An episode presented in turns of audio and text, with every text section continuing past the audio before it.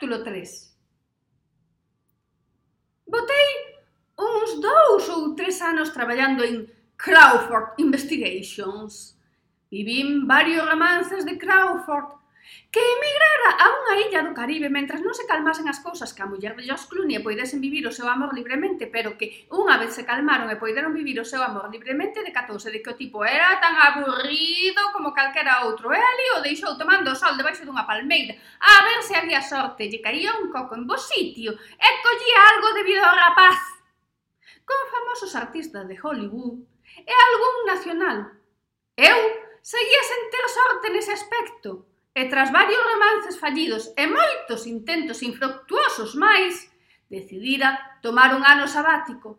Tiña aforrados algúns cartos e aproveitando as informacións que pasara ADSL-PPP, o contacto en Beijing do investigador que era tan bo que todos dicían que era la polla, pero que eu son demasiado fina para repetir semellante cousa e decidín viaxar ata lonxano Oriente para facer as miñas propias pesquisas, máis que nada por ver se se me daban mellor.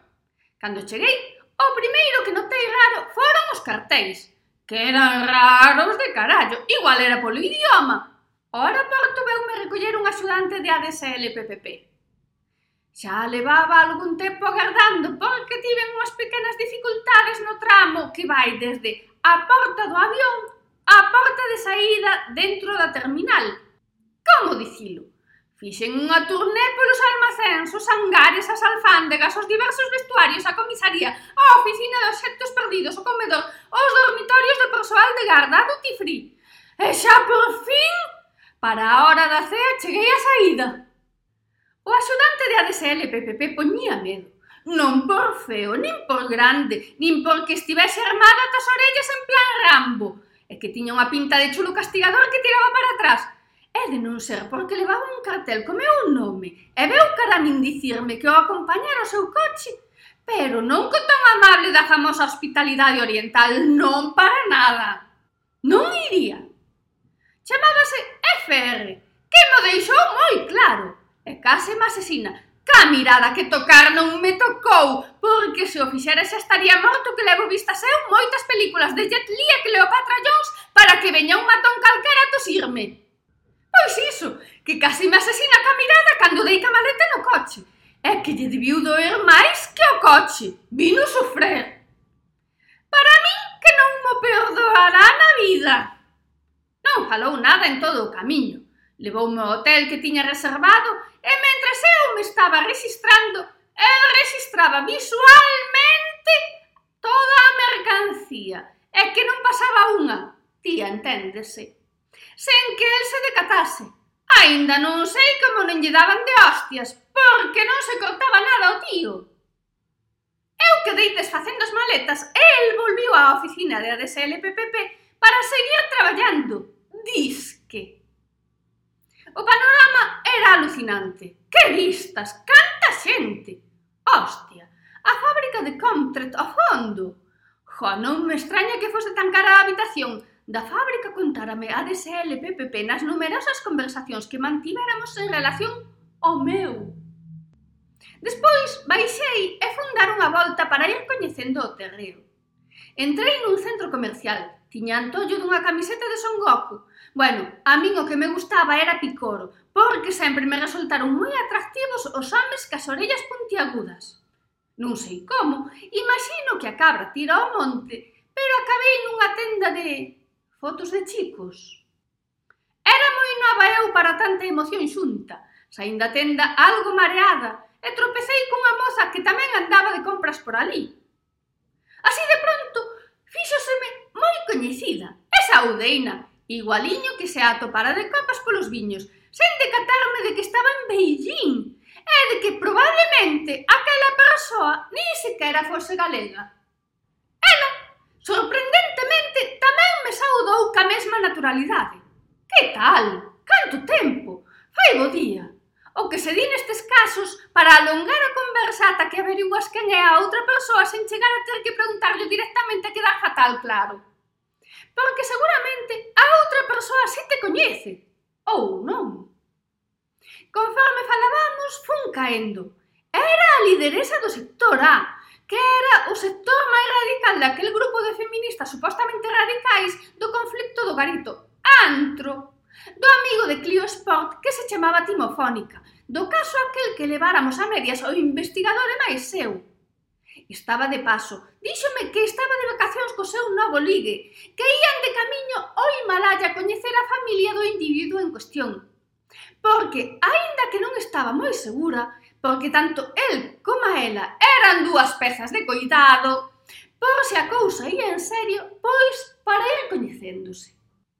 A ela o que lle daba medo era a sogra, máis que nada pola envergadura física. Estivemos polo centro comercial de tendas un pouco máis, ela mercando atuendo de abrigo. Diz que o seu compañeiro non lle facía falta, porque xa viña preparado de nacemento. E non, se o Yeti ten frío no Himalaya, xa me dirás. Despois xa nos despedimos. Ela quedaba parando un taxi, cousa prácticamente imposible en Beijing, na zona de tendas en hora punta. Pero a lideresa do sector A non había taxi, nin taxista que se lle resistise. Se ela dicía que parase, paraban e punto. Nese punto, decateime de que eu nunca chegaría a nada. A min non me paraban, non somos nada. E como os taxis non me paraban, chamei a FR para que me viñese recoller. Era xa a hora de poñerse mans á obra. Perdón, creo que me expresei mal. Era xa hora de comezar a traballar na busca das miñas raíces. A obra non dou moitos resultados. Seguín todas as posibles pistas, calquera mínimo indicio, pero non dei atopado restos da miña familia, nin restos nin enteiros. Nada de nada.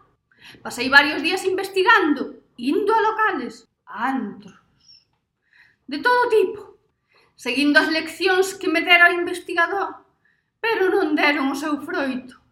Que nada, de Beijing, o único que saquei en limpo foron unhas películas descatalogadas de Jen Li, máis que nada para seguir cas leccións de artes marciais, e unhas fotos de chicos, moi interesantes e culturais. Eu seguía investigando sen desanimarme, baixo a atenta mirada de FR que non deixaba de advertirme que non entrase en determinado tipo de sitios, antros que non me mezclase con determinada clase de homes, macizos con cara de malos. Pero eu, pese a recoñecer a valía dos seus consellos e a apreciar a súa preocupación, non lle facía nin puto caso. Pasados dous meses xa dei por perdidas as esperanzas de atopar nada, así que fixen caso dunha chamada anónima que me devolvía ao meu país natal, aló pola California. A chamada anónima viña dunha voz que para ser anónima facíaseme bastante familiar. Pero a verdade, nada tiña que perder. E Beijing, pese a natural hospitalidade oriental, e os datos aportados por a DSLPPP e a protección inestimable de FR, xa non ofrecía máis nada. Así que, nun arrebato, collín e marchei. Alome fun a California, Pois Por ver máis que nada, se me pasaba como a Crawford e atopaba un George Clooney da vida co que emigrar ao Caribe. Ca emoción, esquecín despedirme, porque cando se me mete algo na cabeza non penso en nada máis, é a verdade. George Clooney está un pouco usado, pero aínda... En California todo cambiara, imagino, porque lembrar non lembraba como quedaba cando marchei. Curiosamente, no hotel no que me aloxei tamén recibín unha chamada anónima da voz, que para ser anónima soábame bastante. O primeiro que fixen foi facer unha visita a Hollywood, non porque as chamadas anónimas me guiasen ali, senón máis ben por ver se caía un George Clooney. E bueno, quen di George Clooney di Vince Vaughn. Mentres en Beijing, FR fora recollerme ao hotel, como levaba a facer? estaba ali. Extrañoulle non atoparme, porque normalmente eu sempre estaba, porque o moi cabrón tiña o costume de virme despertar ás oito da mañana e que o pariu. Que para min que o facía a propósito, porque unha vez lle dixera que era un pouco chulo. Ou por iso, ou polo golpe aquel que lle dera o seu coche que maleta, nunca cheguei a sabelo. Despois pensou uno, e xa non lle extrañou tanto porque pensou que andaba nun deses locais antros. Polos que andaba últimamente. Cando o recepcionista lle dixo que marchara, daquela alarmouse. Foi falar co seu xefe ADSL PPP, que tamén se alarmou, pois sentíase, de algún xeito, responsable porque viñera de parte do investigador. Foron ampliando o radio de acción e acabaron chamando a lideresa do sector A que estaba pasando uns días no Himalaya coñecendo a familia do Yeti. Ela non prestar a axuda que fixese falta, porque sempre estaba disposta a axudar e porque xa estaba un pelín, nunca mellor dito, farta de tanta reunión familiar. Porque o Yeti é moi majo, sí, pero a familia non é que fose numerosa, é que era grande e case non lle deixaba espazo. Así que non dubidou en baixar un momento a Beijing, que non era que lle quedase de paso precisamente, pero unha boa causa era unha boa causa que se plantexou a estrategia ca súa voz profunda, sinistra, diría eu. Decidiron que investigarían cada un polo seu lado e despois xuntaríanse para ver a que chegaban. Polo seu lado, a DSLPPP chamou a Crawford Investigations. Crawford non estaba, estaba de viaxe con alguén famoso do que non se podía dicir o nome. O investigador poñeríase a traballar. FR dou varias voltas á cidade. A lideresa do sector A entrou nos locais, antros, que eu adoitaba frecuentar para averiguar algo, porque estaba segura de obter máis información que é porque sí e xa. Como nos locais, antros, non obtivo nada, foi ao meu hotel. No rexistro de chamadas viu un número que lle chamou a atención, non por nada, pero chamoulle a atención. Chámalle instinto, algo que se lle pegaría do Yeti. Puxos en contacto con Windows XP, que no conflicto aquel do garito antro do amigo de Clio Timofónica chegará a ter moi boas relacións con Timofónica, xa nos entendemos. E algo podía facer dado que no pasado tivera unha empresa de teléfonos eróticos e timos varios, así que algo sabería de como averiguar quen chamar. Windows XP quedou en facelo e chamala despois. Cando baixou, no bar do hotel, viu o Yeti agarrado a un vaso de whisky, todo deprimido. Achegouse a el e falaron. El pensou que o deixara para irse cun amante ao hotel. Ela acariñou uno e díxolle que ela non facía esas cousas, que a ver quen pensaba el que era ela. No fondo, afagoulle este niña, pero tampouco llo ia demostrar. Mentres, na Coruña, o investigador chamara a súa nova axudanta, Mariposa, posto que eu non estaba en Crawford, desaparecera. A nova axudanta do investigador era unha happy flower que andaba seguido repartindo alegría.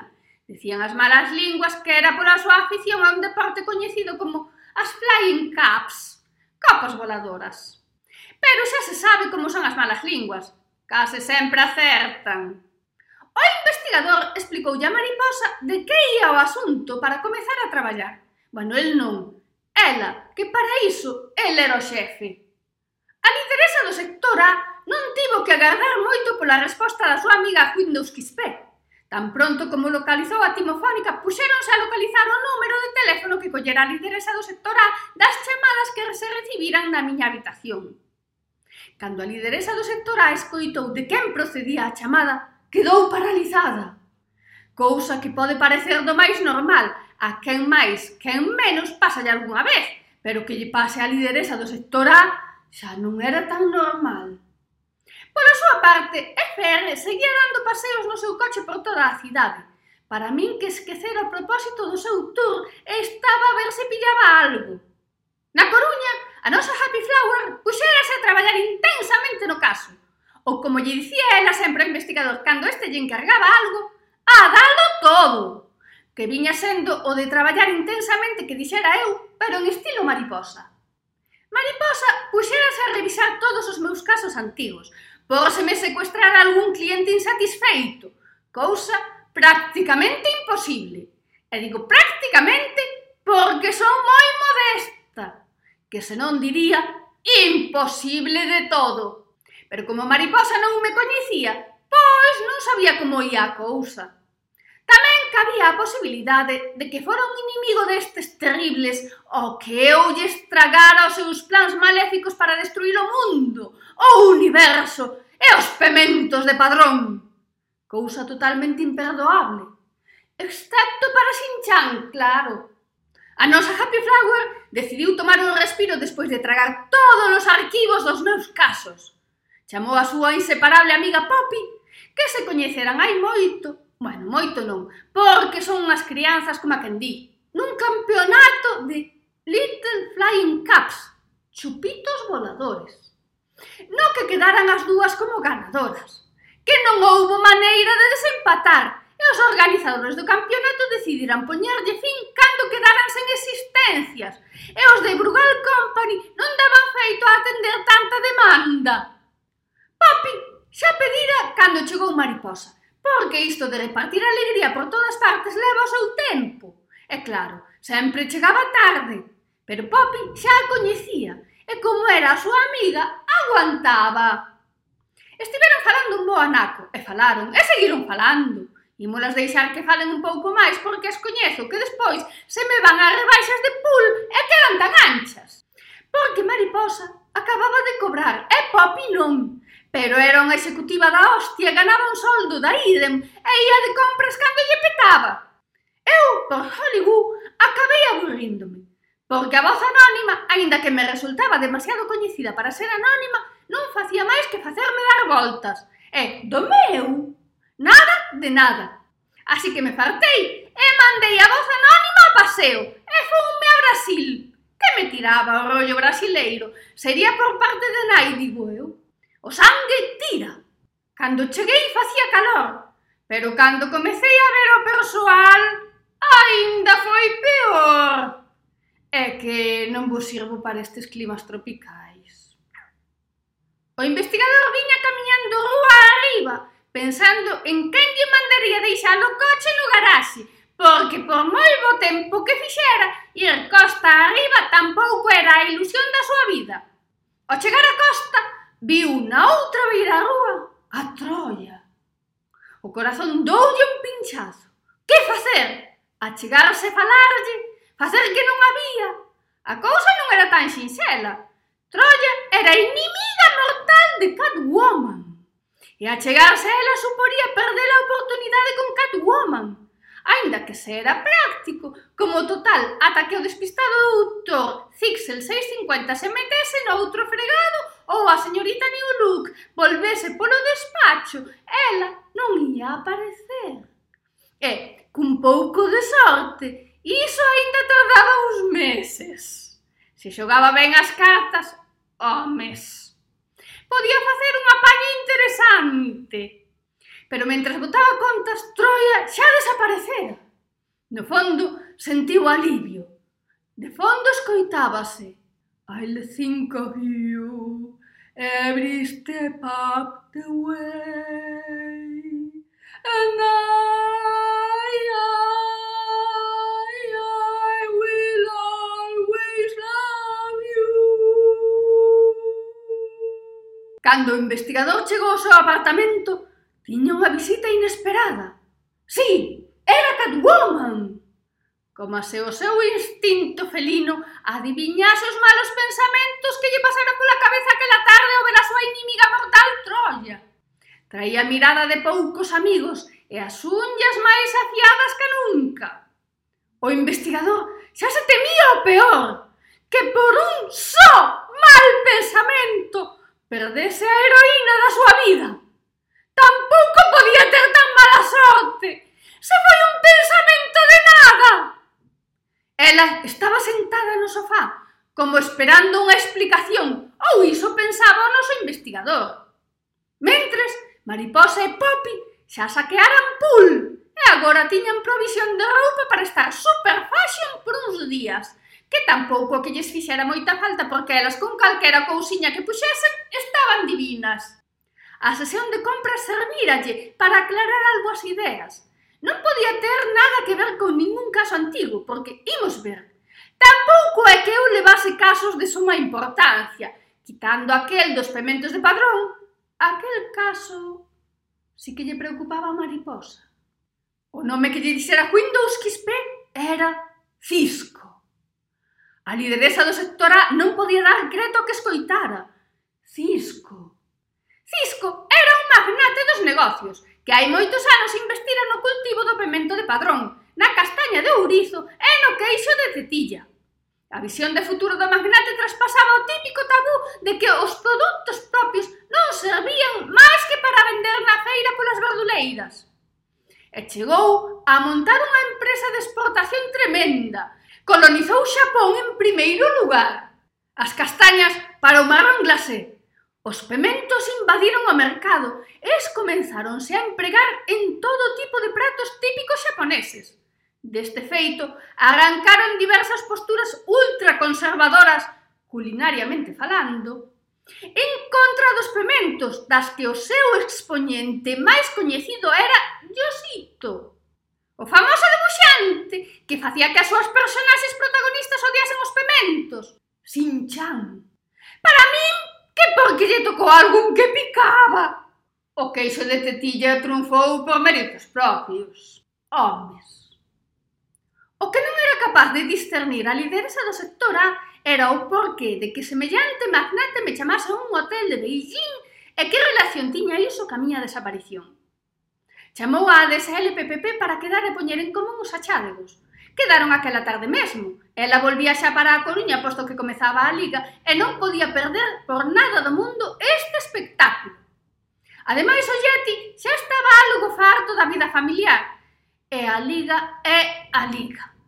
Porque parece ser que no Himalaya non había diso, posto que os campos de fútbol en vertical sempre acababan favorecendo o do campo de abaixo, E despois había moitas pelexas para cambiar de campo no segundo tempo. E ademais, como pillasen o árbitro costa arriba, o pobre non tiña escapatoria. A DSL PPP tivo que facer varias chamadas a FR antes de que este lle collese, por fin, o teléfono. Resistiuse a volver, posto que as vistas percorrendo as rúas de Beijing non eran nada malas. A DSL PPP recurrindo a métodos de xefe aprendidos da súa temporada de traballar na fábrica de Comtret, fixo volver de inmediato. Dixolle que ou volvía ou lle quitaba o coche. E iso sí que non, eh? No despacho de ADSL PPP puxeron en común todo o que averiguaran. A parte do de Cisco non había máis datos. FR adicárase o que se adicara para que logo me viñera co instinto protector non deixándome entrar nos locais antro. E a DSL-PPP aínda non recibirá noticias das investigacións na Coruña, co que quedaron en que xa que a lideresa do sector A volvía, que ela pasaría pola oficina de Crawford Investigations e vería o que se podía facer. Mentres, eu xa chegara a Sao Paulo e comezaba a toma de contacto. Non pensedes mal que xa me gustaría.